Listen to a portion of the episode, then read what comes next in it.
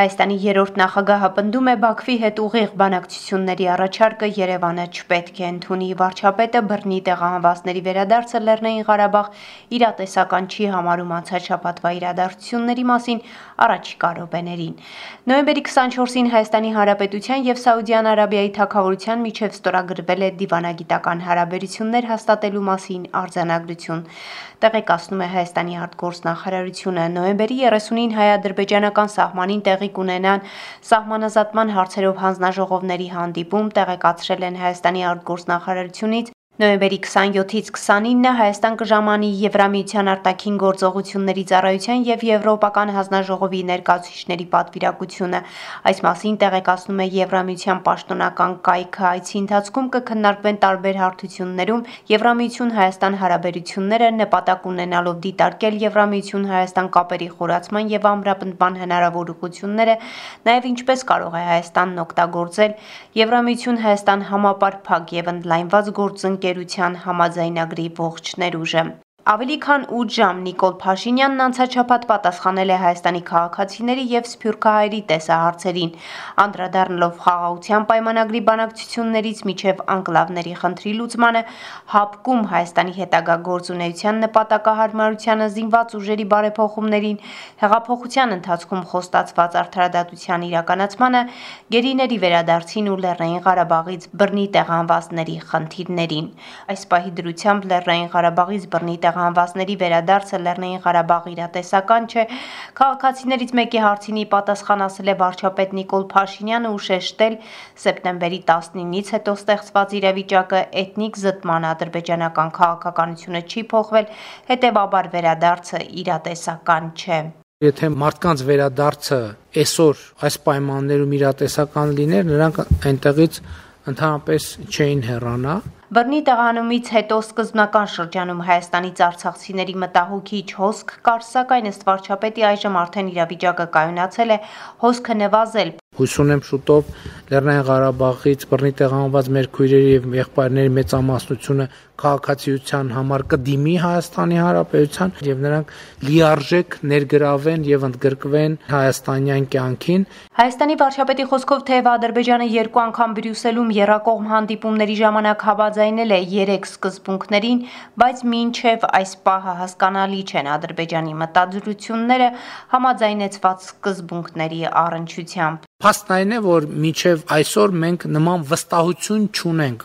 ոչ մի կողմում, չնայած Ադրբեջանի կողմից հնչել է հայտարարություն, որ Ադրբեջանը ճանաչում է Հայաստանի տարածքային ամբողջականությունը, բայց այստեղ կոնկրետություններ են պետք, թե ինչ նկատի ունեն իրենք Հայաստանի տարածքային ամբողջականություն ասելով այս հարցերի parzabanումը առաջիկա բանակցային գործընթացների հիմնական խնդիրն է, որը մենք պետք է փորձենք լուծել։ Տավուշի մարզի բնակիչները անհանգիստ են, պատճառը անկլավների մասին խոսակցություններն են։ Լսենք։ Դուք կարող եք հստակ ասել, կա նման հարց։ Եթե կա, ապա ինչպես է այն հանգուցալուծվելու։ Մենք չենք ուզում անորոշության մեջ ապրել։ Մենք հստակություն ենք ուզում։ Կարող եք մեզ հետ բաց խոսել այս թեմայով։ Անկլավ էքսկլավների հարց, այո, կա։ Այս պահին այդպիսի համաձայնություն, որը ես այնքան հասունացած լինի, որ ձեզ հետ կիսեմ չկա, Պարզ ասած Հայաստանի 29800 քառակուսի կիլոմետր տարածքի մեջ չեն մտնում այն անկլավները, որոնք խորհրդային տարիներին պատկանել են Ադրբեջանին, սակայն դրա մեջ մտնում է Արցվաշենը, որը էքսկլավ է շրջափակված խորհրդային Ադրբեջանի տարածքով։ Վարչապետը վստահեցնում է, որ անկլավ էքսկլավների փոխանակման դեպքում որևէ ապոկալիպտիկ զարգացումներ չեն լինի Ադրբեջանի հետ բանակցություններում ձախողված է գերիների վերադարձի հարցը, հումանիտար հարցը Ադրբեջանը փորձում է վերածել քաղաքական շահարկումների, բայց Հայաստանը իր առաջարկներով փորձում է նորից վերադարձնել հումանիտար դաշտ։ Հայաստանի երրորդ նախագահ Սերժ Սարգսյանը դիզ վառելիքի յուրացման գործով դատական նիստից հետո լրագրողների հետ ճեպազրույցում անդրադարձել է վերջին իրադարձություններին, նշել է, որ վերջին 100 տարվա ընթացքում հայ ժողովրդի հետ նման ողբերգություն չէր պատուհասել։ Ղարաբաղը երբեք Հայաստանի համար, Հայաստանի պետականության համար, հայ ժողովրդի համար բեր չի եղել։ Եղել է ընդհակառակը փրկողակ։ Եվ այդ ողբերգությունը փաստորեն մեր պետականությունը զրկեց իր հիմնասյուներից մեկին։ Խաղաղության պայմանագրի ստորագրումն Ադրբեջանի հետ անհրաժեշտություն է, սակայն մենք չգիտենք, թե ինչի մասին է այդ պայմանագիրը, ասել է Սերժ Սարգսյանը պարտադրված խաղաղության պայմանագիր։ Իսկ պարտադրված խաղաղության պայմանագիրը նույն կապիտուլյացիան է։ Հիշում եք, որ նոյեմբերի 9-ի փաստաթղթի հրապարակումից հետո կապիտուլյան բառը ինչպես դաջվեց նրա վրա եւ ես վստահ եմ եթե այսպիսի խաղաղության պայմանագիր պետք է ստորագրվի ինչպիսին մենք նորից եմ ասում տարբեր տեղերից նախադասություն առ նախադասություն բառ առ բառ որսալով տեսնում ենք ապա նա կոչվելու է կրկնակապիտուլյան Հայաստանի երրորդ նախագահը պնդում է, որ ուղիղ բանակցությունների առաջարկը Երևանը չպետք է ընդունի։ Խորապես համոզված եմ, որ երկկողմ բանակցությունները տանելու են դեպի փակուղի եւ եթե ստացվի, ապա շատ-շատ ինչ որ մեծ զուջումներով, որոնք ուղղակի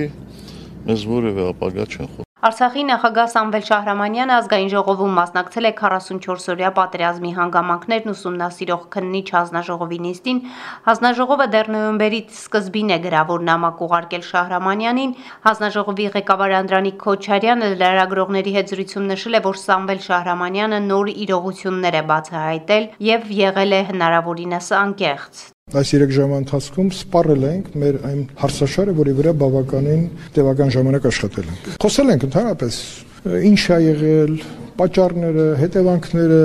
պայթյունը նույնիսկ ամեն ինչ խոսվել է ամեն ինչ ոչ թե խոսվել է փաստարկված ենք խոսել այնպես չի որ մենք պատրաստված չենք այսօրվա հանդիպմանը եւ պարոն Շարամանյանը պատրաստ չէր այսօրվա հանդիպմանը Անդրանիկ Քոչարյանը հրաժարվել է այլ մանրամասներ ներկայացնել, միայն նշել է, որ քննարկված հարցերը հրապարակման ենթակա չեն։ Հանձնաժողովի ղեկավարը տեղեկացրել է նաև, որ առաջիկա օրերին նոր հրավիրյալներ կունենա հանձնաժողովը։ Մեզ մոտ այցելելու ցանկություն ունի Պաշտպանության բանակի դիվիզիա հրամանատարներից մեկը, որը շատ կարևոր է, որտեղ այդ դերվագը անդադ մեր հասարակության մեջ Արցախի Պաշտպանության բանակի, դա պետքա լինի Հադրութի դիվիզիայի հրամանատարը։ Դրանից հետո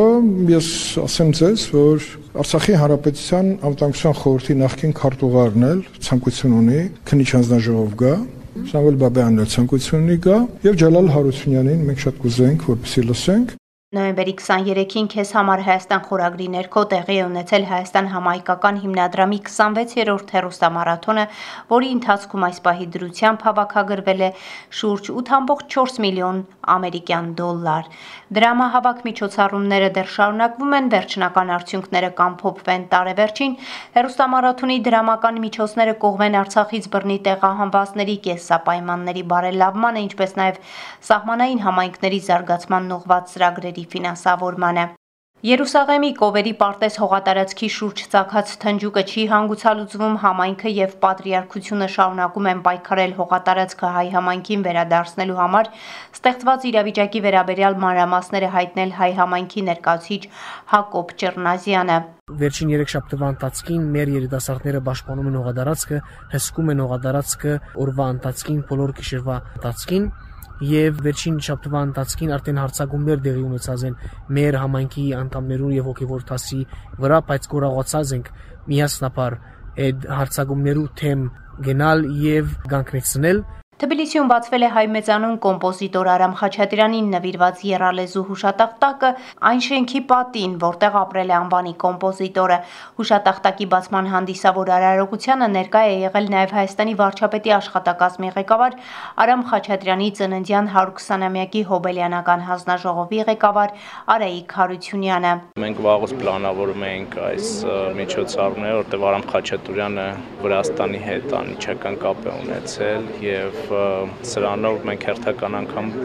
փորձում ենք եւ շեշտում ենք հայ-վրացական մշակութային սերտ կապերը եւ այս քայլերով ամրապնդում ենք Հուշատախտակի տեղադրումը հնարավոր է դարձել Վրաստանում Հայաստանի դեսպանության եւ եւ Թբիլիսի քաղաքապետարանի ավականու նախաձեռնությամբ։ Ավականու նախագահ Գյորգի Թխեմալաձեի խոսքով Შეიძლება ითქვას არის კიდევ ერთი սիմվոլո Այսօրը եւս մեկ խորհրդանիշ է հայ եւ վրաց ժողովուրդների դարավոր բարեկամության։ Մենք հպարտ ենք, որ մեծանուն կոմպոզիտոր Արամ Խաչատրյանը ծնվել եւ մեծացել է Վրաստանում եւ Թբիլիսին մեծ ներդրում է ունեցել նրա ստեղծագործական կյանքում։ դա ჩვენ ძალიან լուամակով թամիտ და მისი მთელი ცხოვრება, რა თქმა უნდა, იყო Այսքան է անցնող շաբաթվա իրադարձություններից հաղորդումն SBS-ի համար պատրաստեց Գիտա Իլիբեկյանը։